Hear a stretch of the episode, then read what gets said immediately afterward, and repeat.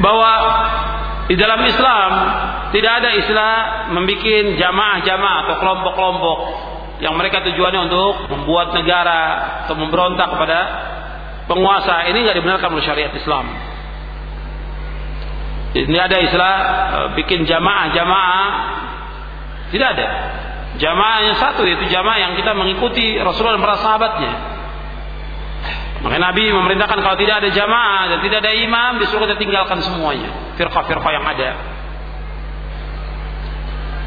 Kemudian fillah, azakumullah bahwa yang paling penting yang harus kita perhatikan meskipun pemimpin kita zalim dan ini juga dialami oleh sahabat, dialami juga oleh tabi'in, dialami juga oleh a'immatul mujtahidin, pemimpin mereka, penguasa mereka zalim. Penguasa mereka zalim. Zamannya Imam Ahmad. Kemudian zamannya Imam Syafi'i dan yang lainnya. Tapi mereka tetap mendengar. Mereka tetap taat.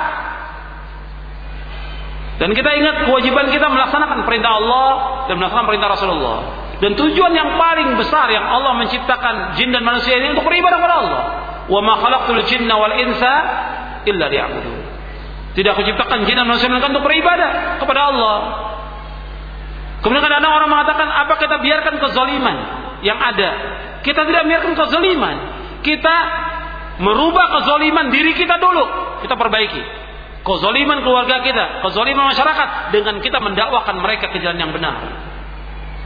Jadi kadang-kadang orang, apa kita biarkan kezaliman? Sekarang apakah antum mampu untuk merubah? Tidak akan mampu. Apakah antum seribu orang, sepuluh ribu orang, seratus ribu orang tidak mampu untuk merubah?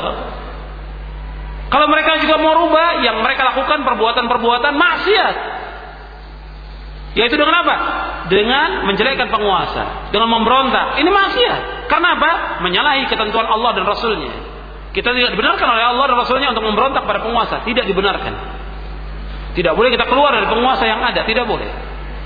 Ini nas, dalil dari Quran dan Sunnah. Yang sahih. Dan itu yang dipahami oleh oleh para sahabat Ridwanu Majma'in. Dan ini ini banyak sekali penjelasan tentang masalah ini di dalam kitab-kitab para ulama tentang wajibnya kita taat kepada ulil amri. Jadi tentang taat kepada ulil amri ini banyak dalilnya.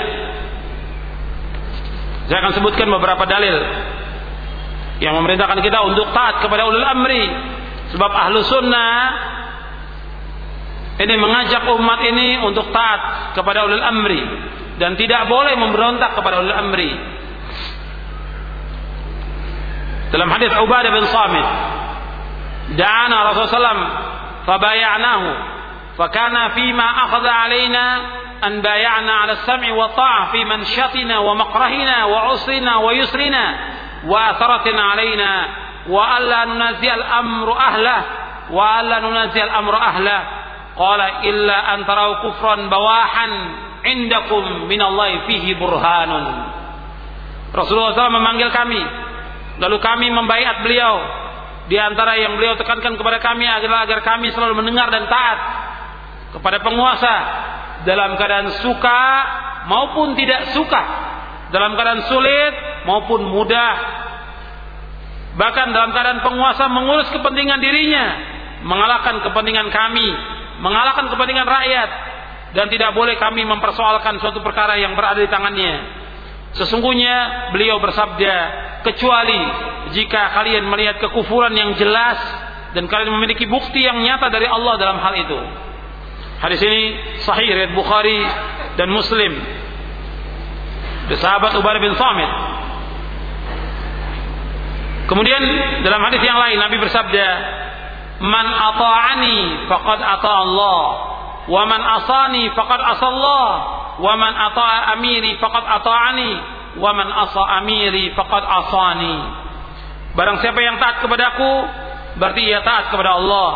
Dan barang siapa yang tidak taat kepadaku berarti ia tidak taat kepada Allah.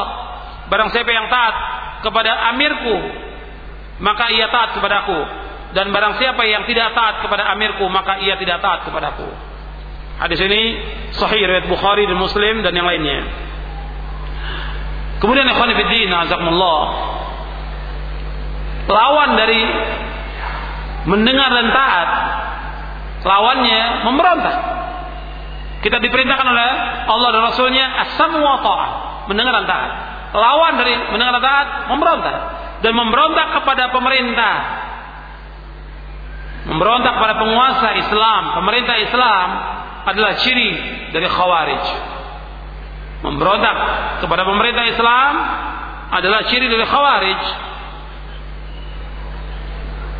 Kata Imam Al-Barbahari di dalam kitabnya Syarh Sunnah kata beliau, setiap orang yang memberontak kepada imam atau pemerintah kaum muslimin, mereka adalah khawarij. Dia telah memecah belah persatuan kaum muslimin, menentang sunnah serta matinya seperti mati jahiliyah. Di dalam kitab Syarh Sunnah halaman 76 nomor 33 yang ditakik oleh Syekh Abu Yasir Ar-Raddadi.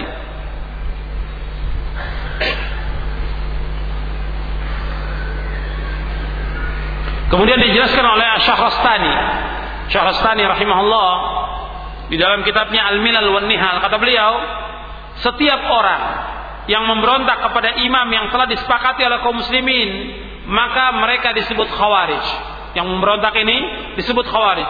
Sama saja apakah dia memberontak di masa sahabat kepada khulafaur rasyidin atau dia memberontak di masa tabi'in atau di masa para imam pada setiap zaman. Anda melihat pada setiap zaman. Kalau orang memberontak, maka dia dikatakan khawarij. Dan masih banyak lagi penjelasan para ulama ahlu sunnah tentang tentang masalah ini. Dan pemberontakan ini yang pertama kali adalah dimulai dengan khawarij. Karena itu Nabi Shallallahu Alaihi Wasallam sudah mengatakan kepada para sahabat, kalau seandainya aku bertemu dengan mereka pada masanya Khawarij, aku akan bunuh mereka, kata Rasulullah. Tidak ada firqah yang sesat yang Nabi akan membunuh mereka kecuali Khawarij. Sampai Nabi mengatakan lain adraktuhum laqtulannahum qatla samud. Jika aku menjumpai mereka, niscaya aku akan bunuh mereka seperti dibunuhnya kaum Samud. Hadis ini sahih riwayat Bukhari, Muslim, Abu Daud, Nasai, Baihaqi dari sahabat Abu Sa'id Al-Khudri menunjukkan jeleknya khawarij. Dan setiap zaman ada, termasuk pada masa sekarang juga. Orang-orang yang memberontak pada pemerintah dan menganjurkan untuk keluar dari pemerintah, memberontak, inilah ciri-ciri daripada khawarij. Dan akibatnya apa memberontak itu? Akibatnya terjadi kekacauan. Terjadi kekacauan. Tidak ada rasa aman. Terjadi pertumpahan darah. Bahkan orang-orang yang tidak berdosa pun ikut tertumpah darahnya. Padahal darahnya seorang muslim itu lebih mulia daripada Ka'bah yang mulia. Bahkan Nabi bersabda, "La zawalu dunya ahwan 'inda Allah min qatli rajulin muslim." Kata Nabi, "La zawalu dunya ahwan 'ala Allah min qatli rajulin muslim." Hancurnya dunia lebih ringan dosanya di sisi Allah daripada terbunuhnya seorang muslim. Hadis ini sahih dari riwayat Tirmidzi dan Nasai dari sahabat Abdullah bin Amr radhiyallahu an. Kemudian ikhwani fiddin, azakumullah, kita tanyakan kepada mereka yang memberontak apa manfaatnya? Tidak ada manfaat. Berapa puluh tahun mereka memberontak kepada penguasa dan apa yang dihasilkan oleh mereka? Dari buku-buku yang mereka tulis, ceramah-ceramah yang mereka sampaikan untuk memberontak pada penguasa, kemudian menghasung rakyat untuk memberontak pada penguasa, apa manfaatnya? Puluhan tahun yang mereka lakukan, tidak ada perubahan sama sekali. Baik untuk diri mereka maupun untuk pemerintah maupun untuk rakyat, nggak ada perubahan sama sekali. Yang ada kekacauan demi kekacauan, yang ada kerusakan demi kerusakan, yang ada pertumpahan darah, dan yang ada kebencian dan mendoakan kejelekan kepada penguasa Padahal sebaliknya kata Fudail bin Iyad, kalau seandainya aku mempunyai doa yang makbul, aku akan doakan kepada penguasa. Karena apa? Karena penguasa ini baik, baik seluruh rakyatnya. Kalau penguasa jelek, jelek semua rakyatnya. Makanya kalau aku punya doa-doa yang makbul, maka aku akan doakan kepada siapa? Aku akan doakan kepada penguasa. Ini jejak salafus saleh. Jejak salafus saleh seperti itu. Bukan seperti khawarij yang tujuannya ingin merusak. Ya kalau dia tidak sampai kepada penguasa, dirusak bangunan. Dibunuh orang-orang yang tidak berdosa. Ini khawarij. Dan sampai hari ini masih ada di mana-mana di dunia Islam. Dan kita berlindung dari mereka. Kemudian yang kelima, kita masuk poin yang kelima. Akan terjadinya perpecahan dan persisian di tengah-tengah kaum muslimin. Nabi SAW bersabda untuk melihat halaman 61, poin yang kelima. Fa innahu may ya'ish minkum ba'di fa sayara. Sungguh orang yang masih hidup di antara kalian sepeninggalku, maka ia akan melihat perselisihan yang banyak. Ini kabar dari Rasulullah SAW mengenai apa yang akan terjadi pada umatnya sepeninggal beliau berupa banyaknya perselisihan baik dalam pokok agama maupun cabangnya baik perkataan, perbuatan dan keyakinan. Dan ini sesuai dengan apa yang diriwayatkan dari beliau sallallahu alaihi wasallam bahwa umatnya akan terpecah menjadi 73 golongan. Seluruhnya berada di neraka kecuali satu golongan yaitu golongan yang mengikuti Rasulullah SAW dan para sahabatnya. Sesungguhnya perpecahan dan perselisihan dalam Islam adalah tercelah banyak sekali dalil-dalil Al-Quran dan Sunnah mencela perpecahan dan perselisihan.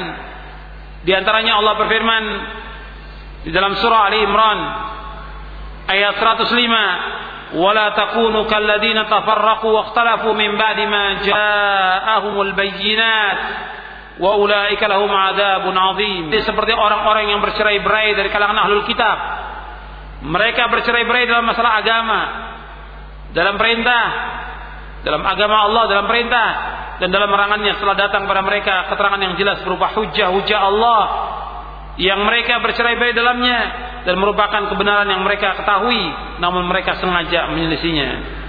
Mereka menyelisih perintah Allah dan memutuskan perjanjian mereka dengan Allah sebagai sikap lancang mereka terhadap Allah dan bagi mereka yang bercerai-berai mereka akan mendapatkan azab yang besar dari Allah SWT. Kemudian di dalam ayat yang lain juga Allah berfirman dalam surah Al-An'am ayat 159 Allah berfirman innal ladina farraqu dinahum wa kanu syi'a lasta minhum fi syai' innama amru min Allah thumma yunabbi'uhum bima kanu yaf'alun Sesungguhnya orang-orang yang memecah belah agamanya dan mereka menjadi terpecah dalam golongan-golongan Sedikit pun bukan tanggung jawabmu Muhammad atas mereka. Sesungguhnya urusan mereka terserah kepada Allah. Kemudian Allah akan memberitahukan kepada mereka apa yang mereka perbuat. Syekh Abdurrahman bin Nasir As-Sa'di rahimahullah dalam tafsirnya Taisir Kami Rahman fi tafsir Kalam al-Mannan dia mengatakan ayat ini menunjukkan bahwasanya agama memerintahkan untuk berjamaah dan bersatu serta melarang dari perpecahan dan perselisihan dalam prinsip agama bahkan dalam setiap permasalahan agama baik yang pokok maupun cabangnya kemudian ikhwan fillah tentang umat ini menjadi terpecah menjadi 73 golongan. Ini hadisnya sahih. Riwayat-riwayatnya sahih antum lihat. Di halaman 66 Rasulullah bersabda halaman 66 67 Nabi bersabda ala inna man qablakum min ahli kitab iftaraqu ala thintain wa sab'ina millah wa inna hadhihi al-millata sataftariqu ala thalathin wa sab'in thintani wa sab'una fin nari wa wahidatun fil jannati wa hiya al-jamaah Ketahuilah Sesungguhnya orang-orang sebelum kamu dari ahlul kitab telah berpecah belah menjadi 72 golongan.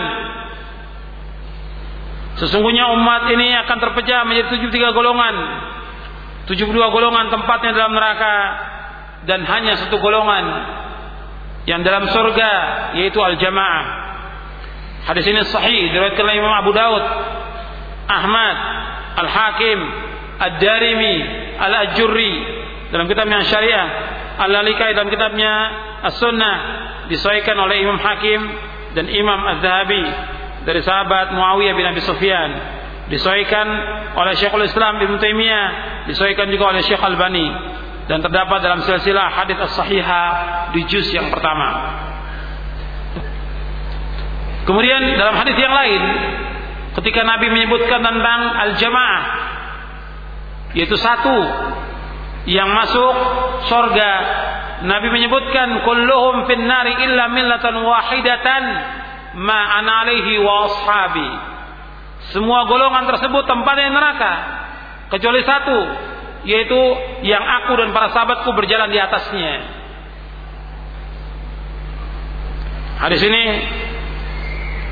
diriwayatkan oleh Imam Tirmidzi, Hakim dari Abdullah bin Amr. Hadis ini derajatnya hasan. Kemudian ikhwan fillah, azakumullah tentang perpecahan ini sudah ada sejak terbunuhnya Uthman bin Affan radhiyallahu an warda. Dan Nabi menyebutkan akan terpecah umat ini dan terbukti umat ini pecah dan pokoknya itu empat dari ahlul bidah, ahlul ahwa, pokoknya empat. Yang pertama Syiah, yang kedua Khawarij, yang ketiga Qadariyah, yang keempat Murji'ah. Ini firqah-firqah yang kemudian nanti berkembang lagi. Ya, adanya Mu'tazilah, Asy'ariyah dan yang lainnya. Jadi Nabi menyebutkan umat terpecah menjadi 73 golongan.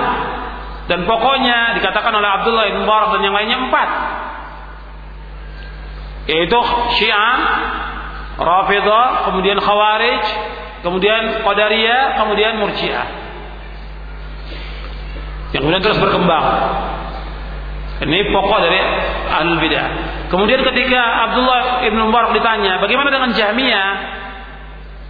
Itu Jahm bin Safwan, Jahmiyah dikatakan al-Jahmiyah itu kufar. Jahmiyah adalah kafir. Jadi Jahmiyah itu dikafirkan oleh para ulama karena mereka mengingkari sifat-sifat Allah SWT. Mereka mengingkari sifat-sifat Allah Subhanahu wa taala. Ini firqa-firqa yang sesat dan mereka ini masih ada sampai sekarang firqa-firqa yang sesat ini. Dan firqa-firqa ini akan terus berkembang. Akan terus jadi pokoknya itu empat kemudian nanti berkembang. Dan ini banyak sekali ya seperti yang disebutkan itu empat. Kemudian ada lagi nanti adanya Qadariyah, Jabriyah, Mu'tazilah, kemudian Asy'ariyah, Tarekat Sufiyah dan yang lainnya. Terus berkembang sampai sekarang ini. Dan Nabi SAW setelah menyebutkan akan terjadinya perpecahan di tengah-tengah kaum muslimin, Nabi memberikan jalan keluar. Nabi memberikan solusi agar selamat dari perpecahan tersebut. Kita masuk sekarang poin yang keenam. Jalan selamat dari perpecahan dan perselisihan adalah dengan berpegang pada Al-Quran dan Sunnah Nabi Sallallahu Alaihi Wasallam menurut pemahaman salafus saleh. Untuk melihat halaman 69. Fa'alaikum bisunnati wa sunnatil khulafa'il mahdiyyin ar-rasyidin. Maka wajib sekali berpegang teguh kepada sunnahku dan sunnah khulafa'ur rasyidin yang mendapat petunjuk Jadi berpegang kepada sunnah Nabi Sallallahu Alaihi Wasallam dan sunnah Khulafaur Rashidin. Apa yang dimaksud dengan sunnah? Antum lihat saya bawakan penjelasan Ibn Rajab di halaman 70 tentang pengertian sunnah. Jadi sunnah adalah jalan yang dilalui termasuk dalamnya berpegang teguh kepada keyakinan-keyakinan perkataan-perkataan dan perbuatan-perbuatan Nabi sallallahu alaihi wasallam dan para khulafaur rasyidin. Itulah sunnah yang paripurna. Oleh karena itu generasi salaf dahulu tidak menamakan sunnah kecuali kepada apa-apa yang mencakup ketiga aspek tersebut. Hal ini diriwayatkan dari Al Hasan, Al Auza'i dan Fudail bin Iyad. Ini dalam kitabnya, dalam kitab Imam Ibn Rajab, dalam kitabnya Jamil Ulum wal Hikam di juz yang kedua. Dan disebutkan khulafaur rasyidin Karena mereka adalah orang-orang yang mengetahui kebenaran dan memutuskan segala perkara dengan kebenaran. Mereka adalah orang-orang yang rasyidin. Jadi mengetahui kebenaran dan mereka mengikutinya dan mengamalkan kebenaran ya rasyidin. Berbeda dengan orang-orang yang gawi yang mereka mengetahui kebenaran tapi tidak mengikutinya.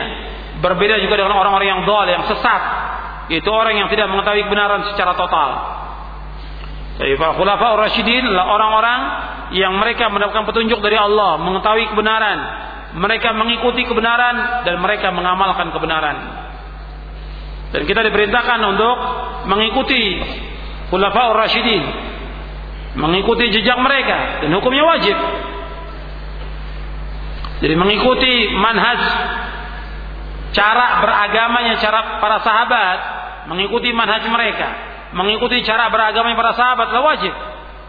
Jadi kita diwajibkan untuk mengikuti manhaj salafus saleh karena Allah Subhanahu wa taala memerintahkan kita untuk mengikuti mereka. Allah berfirman dalam surah Al-Baqarah ayat 137 136 137 Allah berfirman fa in amanu bimithli ma amantum bihi faqad ihtadaw. Wa in tawallaw fa innama hum fi shiqaq fasayakfikahumullah wa huwas samiul alim. Dan jika mereka beriman kepada apa yang kamu beriman kepadanya sungguh mereka dapat petunjuk dan jika mereka berpaling sungguhnya mereka berada dalam permusuhan dengan kalian maka Allah akan memelihara kalian dari mereka dan dialah Allah yang maha mendengar dan maha mengetahui. Ini ayat menjelaskan kalau umat Islam ingin mendapatkan petunjuk maka mereka wajib mengikuti pemahaman para sahabat. Kemudian di ayat yang kedua dalam surah Al-An'am ayat 153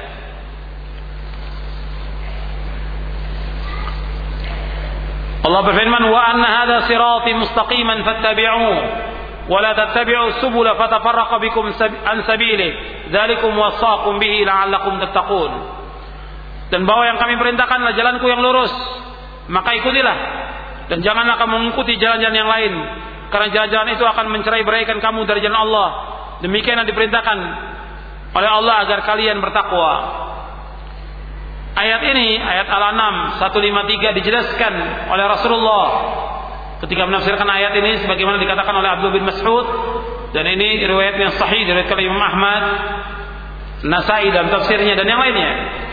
Yaitu Nabi menggaris satu garis yang lurus, di kanan kiri garis itu Nabi menggaris beberapa garis. Dan Nabi menyebutkan ma min sabirin illa wa alaihi syaitanun yad'u ilaihi. Dan tidak ada jalan-jalan ini. Jadi Nabi menggaris satu garis yang lurus. Kemudian di kanan kiri garis itu ada berapa garis. Kata Nabi tidak ada dari jalan-jalan ini melainkan ada syaitan yang mengajak kepadanya.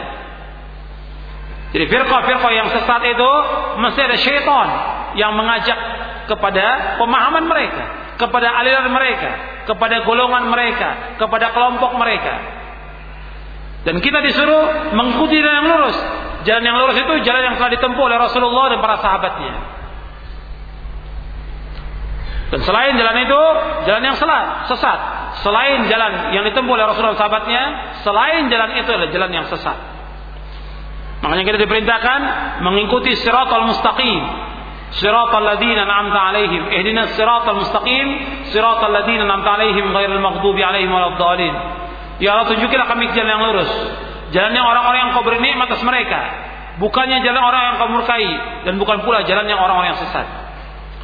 Jalan orang-orang yang mendapat petunjuk itu jalannya para nabi, jalannya para rasul dan jalannya para sahabat ridwanullah ajma'in. Ini jalan orang-orang yang telah mendapatkan nikmat dari Allah Subhanahu wa taala.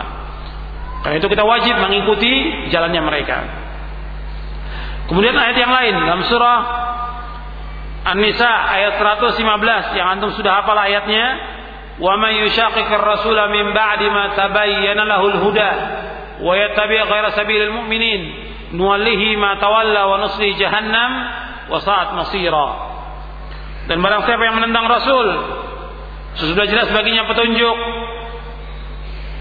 sesudah jelas baginya kebenaran dan mengikuti jalan yang bukan jalan orang-orang mukmin mengikuti jalan bukan jalannya orang-orang mukmin, jalannya para sahabat. Artinya dia mengikuti jalan selain jalan para sahabat, maka kami akan biarkan dia sesat dan kami akan masukkan dia ke dalam neraka jahanam. Dan jahanam itu sejak tempat kembali.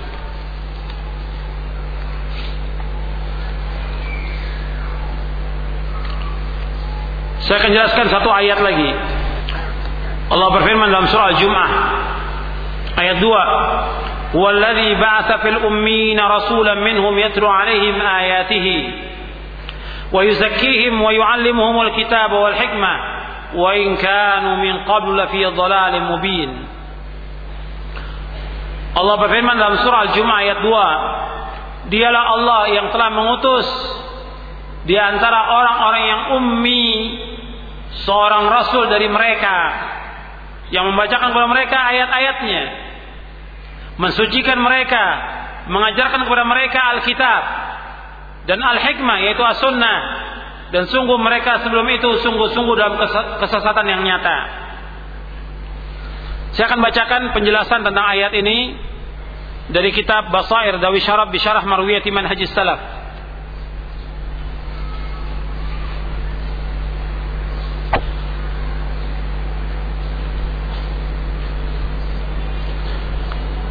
فالرسول صلى الله عليه وسلم بعث مربيا ومعلما للكتاب وللسنة وهذا من أعظم مقاصد الرسالة والنبوة. والرسول صلى الله عليه وسلم إنما علم جيل الصحابة ومن بعدهم تلقى العلم عن طريقهم.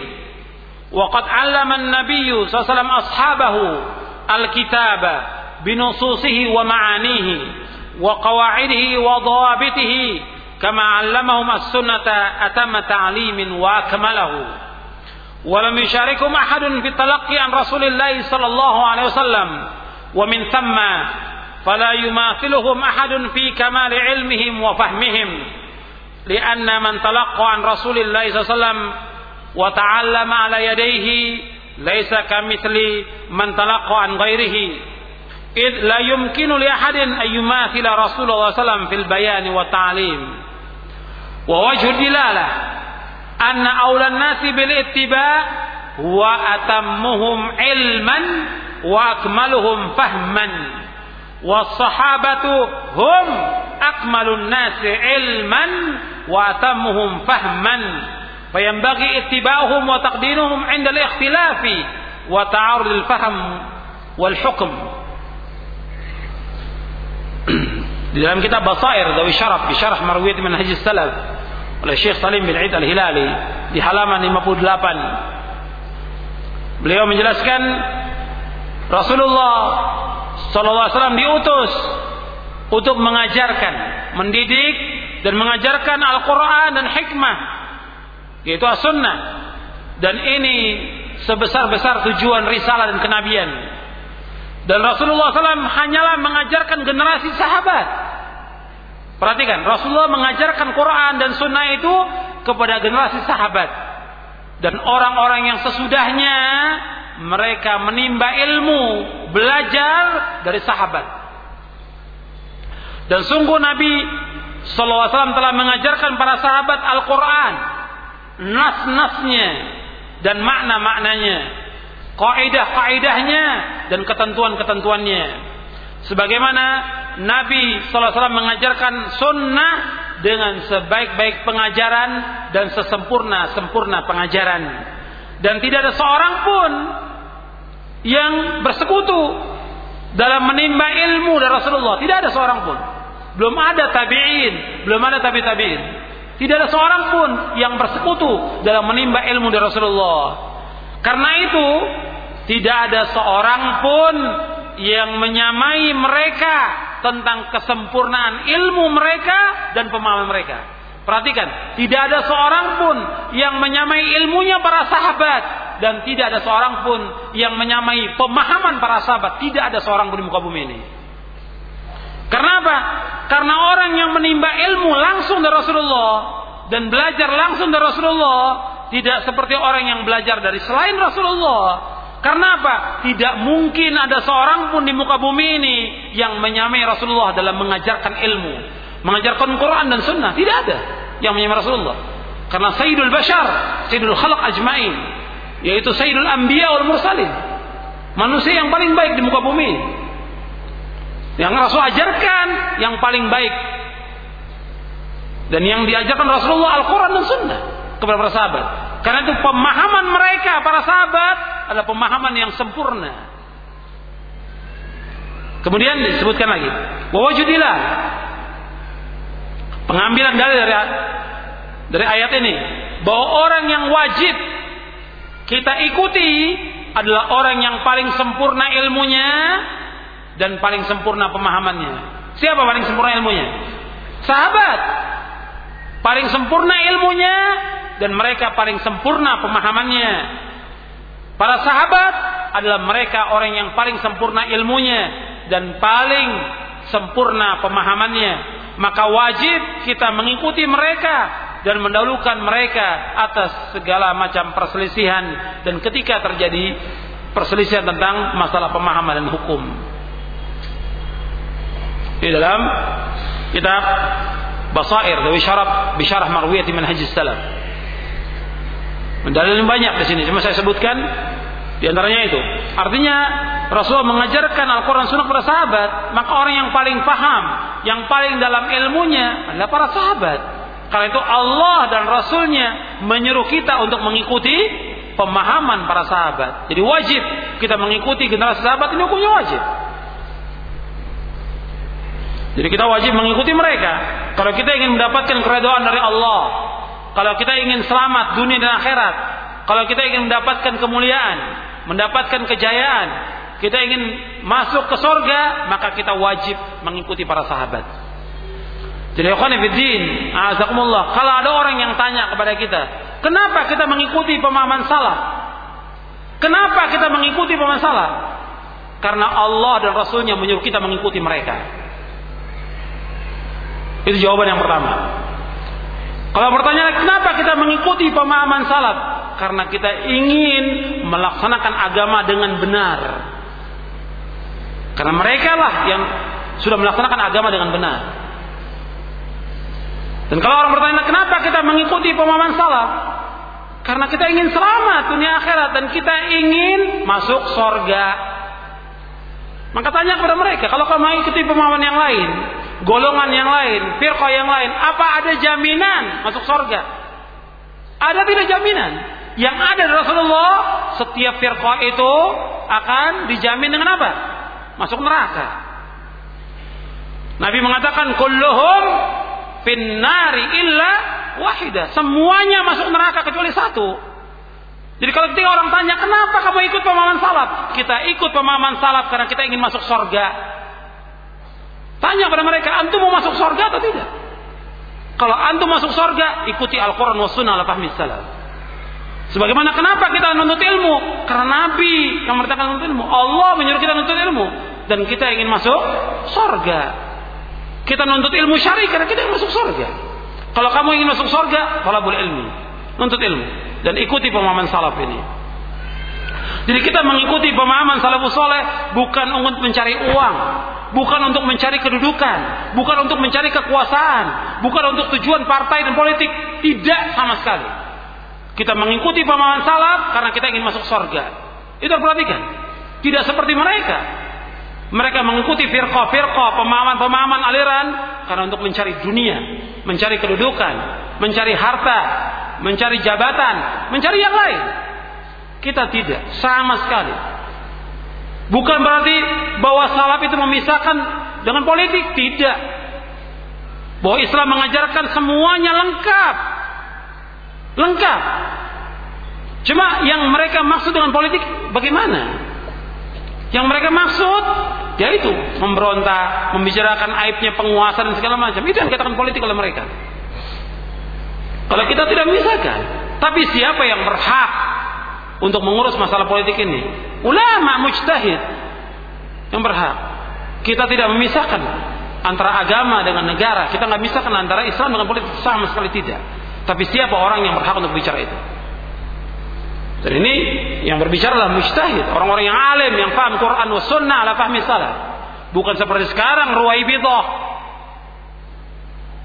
Ruwaibidah yaitu orang-orang yang tafih, orang-orang yang bodoh, orang-orang yang tolol berbicara tentang masalah umat. Ini kata Rasulullah, ruwaibidah. Timbul ruwaibidah di akhir zaman ini. Yang mereka berbicara tentang apa?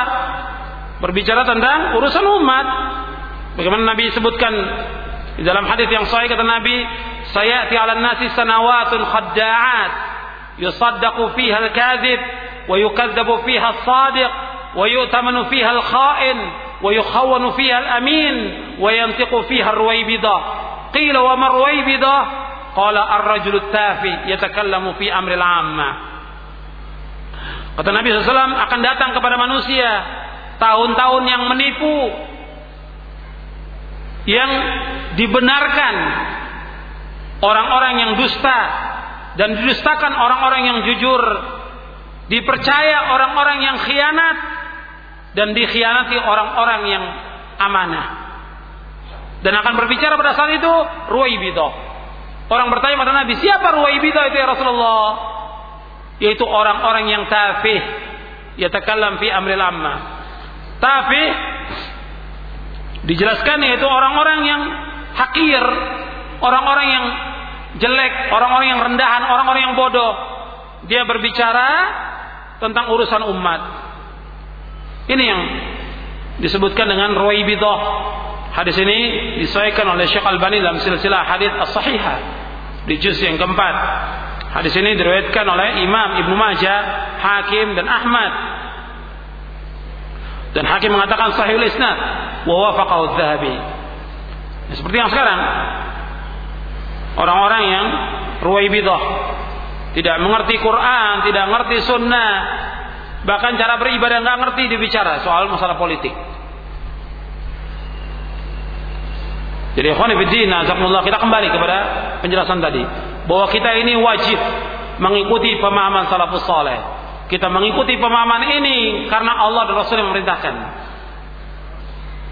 Karena diperintahkan juga oleh para sahabat dan ini merupakan jalan selamat dan kita ingin selamat dunia akhirat dan kita ingin masuk surga. Bukan seperti golongan-golongan yang lain, firqah-firqah yang lain yang mereka sibuk dengan alirannya, tokohnya, politiknya yang kemudian mereka keluar dari siratal mustaqim. Kemudian Ikhwan Fiddin, azakumullah. Kita lanjutkan tentang wajibnya kita mengikuti salaf ini yaitu ayat-ayat dan hadis-hadis Nabi SAW ini banyak sekali. Puluhan ya tentang ayat dan hadis tentang wajibnya mengikuti manhaj salaf ini ini puluhan ayatnya. Dan hadisnya juga puluhan tentang masalah ini. Jadi nggak bisa dibantah dengan apa pun juga, kecuali kita harus mengikuti Al-Quran wa Sunnah ala fahmi salaf. Jadi kalau disebutkan tentang khairun nasi qarni thumma ladina lahum thumma yalunahum sebaik-baik manusia pada masaku kemudian sudah mereka sebenarnya mereka yang dimaksud di sini yaitu para sahabat yang dimaksud di sini yaitu para sahabat ridwanullah alaihim ajmain. Dan juga yang dikatakan khair yaitu khairun nas, sebaik-baik manusia yaitu baik tentang apanya? Yaitu baik tentang akidahnya, baik tentang manhajnya, baik tentang beribadahnya dan baik tentang yang lainnya. Dan ingat, para sahabat ridwanullah ajmain mereka dijamin sorga sebagaimana Allah berfirman dalam surah Al-Hadid ayat 10 Allah berfirman wa kullan wa'adallahu al-husna. Dan mereka semuanya adalah dijamin dengan surga. Kami janjikan dengan balasan yang lebih baik yaitu surga. Karena itu Muhammad bin Hazm yang terkenal dengan Ibnu Hazm dia mengatakan as-sahabatu kulluhum min ahlil jannati qata'an. Perhatikan, perkataan di kitab itu tidak ada, di buku itu tidak ada. Saya kutip dari bukunya beliau Al-Milal. Al-Fisal fil Milal wal Ahwa wan Nihal. Dan juga saya nukil dari perkataan Al-Hafidh Ibnu Hajar Al-Asqalani dalam kitabnya Al-Isabah fi Tamyiz Sahaba di juz yang pertama halaman 10. Kata Ibnu Hajar telah berkata Abu Muhammad bin Hazm, "As-sahabatu kulluhum min ahli al-jannati qat'an." Kata Ibnu Hazm bahwa para sahabat semuanya termasuk ahli surga. Pasti. Dengan dasar apa ayat? Wa kullan wa'adallahu husna bahwa mereka semuanya dijanjikan dengan dengan sorga. Makanya kita mengikuti mereka, wajib mengikuti mereka. Dan Nabi menyebutkan lagi addu 'alaiha bin nawajid dan peganglah erat-erat tamassaku biha wa addu 'alaiha bin nawajid. Peganglah erat-erat dan gigitlah dengan geram kalian. Artinya pegang erat-erat. Manhaj ini mana salah, pegang erat-erat. Jadi jangan kita tertipu dengan fitnah syubhat dan jangan tertipu dengan fitnah syahwat. Ini hati-hati. Karena manusia selalu dimasuki oleh fitnah syahwat, fitnah syubhat. Teguh kita di atas manhaj yang hak ini. Jangan terpengaruh dengan orang-orang yang mendapatkan dirinya dengan salaf. Ada orang-orang yang dia sengaja pakai nama salaf. Tujuannya tujuannya untuk politik. Untuk mencari masa. Nah, atau untuk mencari yang lain. Kita hati-hati terhadap orang-orang yang seperti itu. Jadi golongan atau orang-orang yang dia sengaja karena masa dilihat yang banyak ini dari kalangan salafiyin, maka dia pura-pura masuk salah. Untuk apa? Untuk tujuan politik. Untuk tujuan dunianya atau untuk tujuan kursinya. Ini hati-hati. Dan kita jangan terpengaruh dengan fitnah-fitnah yang ada itu. Dan fitnah itu seperti malam yang kelam. Gelap, dan berbahaya fitnah itu. Makanya kita harus berhati-hati. Yang kadang-kadang pagi orang itu mukmin, sorenya kafir kata Nabi. Sorenya mukmin, paginya kafir. Makanya kita kita setelah tahu akidah dan manhaj yang lain kita terus ber, beramal. Yang kita tahu amalkan, yang kita tahu amalkan sesuai dengan sunnah dan ikhlas karena Allah. Sebab Nabi menyebutkan apa? Dengan banyak amal. Bersegera untuk beramal. Jadi nuntut ilmu, amalkan. Nuntut ilmu, amalkan. Sebab Nabi bersabda dalam hadis yang sahih yang diriwayatkan oleh Imam Muslim, "Badiru bil a'mali fitanan ka qita'il lail mudlim. Yusbihu ar-rajulu mu'minan wa yumsi kafiran, wa yumsi mu'minan wa yusbihu kafiran, yabi'u dinahu bi aradin min ad-dunya." Dalam hadis Muslim, Nabi bersabda, "Hendaklah kalian bersegera untuk beramal, karena fitnah-fitnah itu seperti malam yang kelam. Yang pagi orang itu beriman, sore kafir." Sore dia iman, pagi kafir. Karena menjual agamanya dengan harga yang sedikit dari dunia ini. Nasallallahu salam afiyah. Kemudian selanjutnya kita masuk poin yang ketujuh. Yang ketujuh, Nabi bersabda wa iyyakum umur fa inna kulla muhdatsatin bid'ah. Jauhkan diri kalian dari setiap perkara-perkara yang baru karena setiap yang baru adalah bid'ah. Ya, Nabi ingatkan di sini, jauhkan diri kalian dari setiap perkara-perkara yang baru. Jadi perkara-perkara yang baru. Karena agama Islam ini sudah sempurna. Allah berfirman, "Al-yauma akmaltu lakum dinakum wa atmamtu 'alaikum ni'mati wa raditu lakumul Islam madina." Pada hari ini aku telah sempurnakan bagimu agamamu. Aku telah cukupkan nikmatku atasmu dan aku ridho Islam menjadi agama bagimu. Jadi agama Islam ini sudah sudah sempurna. Kita tidak boleh menambah dan tidak boleh kita mengurangi. Karena yang membawa manusia ke surga Nabi sudah jelaskan. Yang membawa manusia ke neraka Nabi sudah jelaskan. Sebagaimana Nabi bersabda, "Ma baqiya syai'un yuqarribu minal jannati wa yubaidu minan nar illa wa qad buyyina lakum." Tidaklah tertinggal satu pun yang mendekatkan kalian ke surga dan menjauhkan dari kalian dari neraka, melainkan telah dijelaskan semuanya kepada kalian. Kemudian ikhwan fillah azakumullah bahwa setiap perkara yang baru ini adalah bid'ah. Setiap perkara yang baru adalah bid'ah. Dan bid'ah itu definisi bid'ah antum lihat di halaman 89, halaman 90. Nabi bersabda al-bid'atu tariqatun fid din mukhtara'atun tudahi syar'iyyata yuqsadu bis-suluki 'alaiha al-mubalaghatu fit ta'abbud lillahi subhanahu Bid'ah adalah cara yang baru dalam agama yang dibuat menyerupai syariat dengan maksud untuk berlebih-lebihan dalam beribadah kepada Allah. Ini penjelasan Imam Asy-Syatibi dalam kitabnya Al-Iqtisam. Beliau wafat tahun 790 Hijriah. Jadi beda itu cara yang baru dalam agama yang diadakan. Jadi beda-beda ini berupa keyakinan, berupa pemahaman, berupa amalan. Ini beda. Dikatakan oleh Al-Hafidh Murajab Al-Hambali yang wafat tahun 795 Hijriah. Untuk melihat halaman 92. Halaman 92. Yang dimaksud dengan bid'ah adalah apa yang tidak memiliki dasar hukum dalam ajaran syariat yang menunjukkan keabsahannya. Adapun yang memiliki dasar dalam syariat yang menunjukkan kebenarannya, maka secara syariat tidaklah dikatakan sebagai bid'ah. Meskipun secara bahasa dikatakan bid'ah, maka setiap orang yang membuat buat sesuatu lalu menisbatkannya kepada ajaran agama, namun tidak memiliki landasan dari ajaran agama yang bisa dijadikan sandaran, berarti itulah kesesatan. Ajaran Islam tidak ada hubungannya dengan bid'ah. Tidak ada bedanya antara perkara yang berkaitan dengan keyakinan, amalan, ucapan, lahir maupun batin. Jadi maksudnya ada bid'ah yang orang nisbatkan itu bid'ah, tapi bukan menurut syariat. Maka yang seperti ini bukan bid'ah. Seperti perkataan Umar bin Khattab radhiyallahu an ketika menyebutkan tentang sholat tarawih dengan satu imam. Imam Umar bin Khattab radhiyallahu mengatakan ni'mal bid'atu hadhihi. Sebaik-baik bid'ah ini. Yang dimaksud oleh Umar bid'ah secara bahasa. Bukan secara syar'i. Karena apa? Sholat tarawih Nabi pernah kerjakan.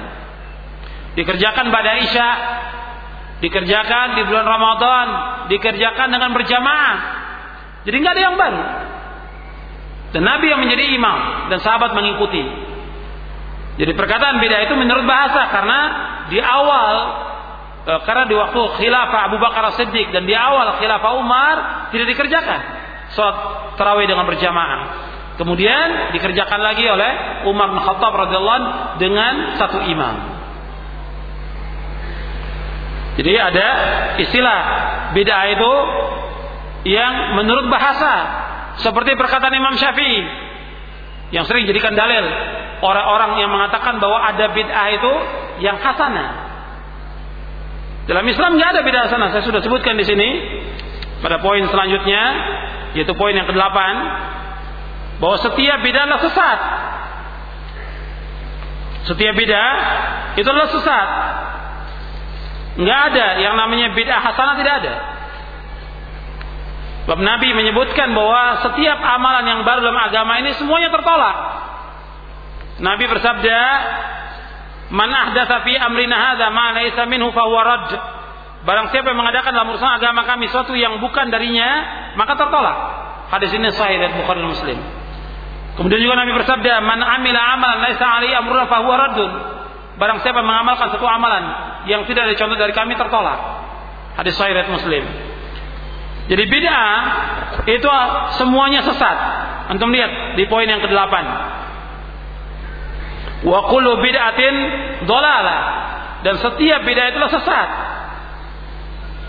Jadi nggak ada dalam Islam ini bid'ah yang hasanah tidak ada. Jadi penjelasan Imam Syafi'i yang mengatakan bahwa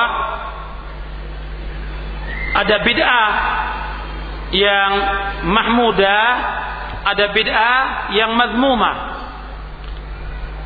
Imam Syafi'i mengatakan begini, al bid'atu bid'atan. Bid'atun mahmudatun wa bid'atun mazmumatun. Fama wafaqa sunnah fahuwa mahmudun wa ma khalafa sunnah fahuwa mazmumun. Kata Imam Syafi'i bid'ah itu ada dua. Ada bid'ah yang terpuji, ada bid'ah yang tercela. Yang sesuai dengan sunnah ini terpuji yang tidak sesuai dengan sunnah ini tercela. Kemudian dijelaskan oleh Ibnu Rajab. Alhamdulillah kitabnya Jamilul Muhikam.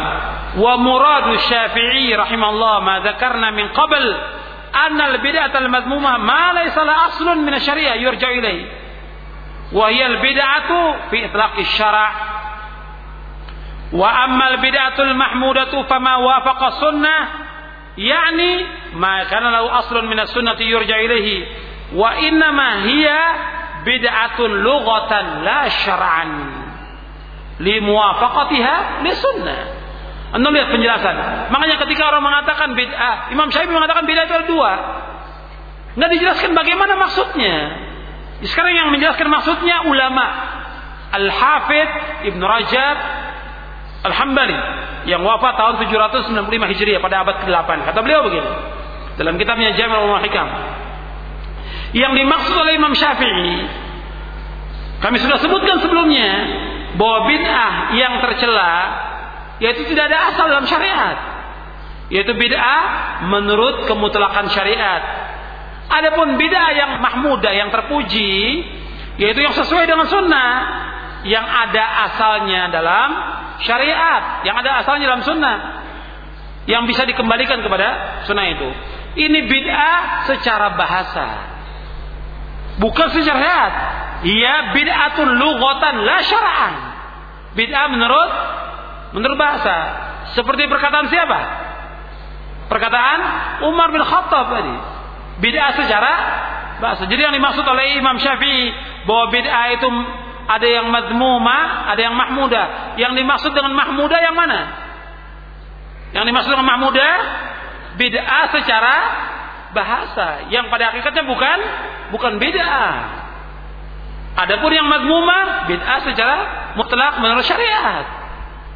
Jadi ini sering dijadikan dalil oleh orang ini bid'ah, syubhat yang lain yang sering dibawakan oleh mereka yang mengatakan bahwa bid'ah itu ada yang hasanah seperti pengumpulan, pengumpulan mushaf. Dengan satu mushaf. Ini pada hakikatnya bukan beda, bukan beda hasanah. Kenapa? Nabi sudah memerintahkan untuk menulis mushaf. Sudah menulis Al-Quran diperintahkan oleh Nabi. Dan ini apakah diperintahkan secara terkumpul atau secara terpisah? Dijelaskan oleh Imam Ibn Rajab. Kata beliau, "Wa kana Nabi sallallahu ya'muru bi kitabatil wahyi la farqa baina ay yuktaba mufarraqan aw majmu'an bal jam'uhu sara aslah." Jadi Nabi memerintahkan para sahabat untuk menulis wahyu. Tidak ada bedanya apakah ditulis secara terpisah di kertas ataukah di pelepah kurma atau di kulit atau dikumpulkan jadi satu. Nggak ada bedanya.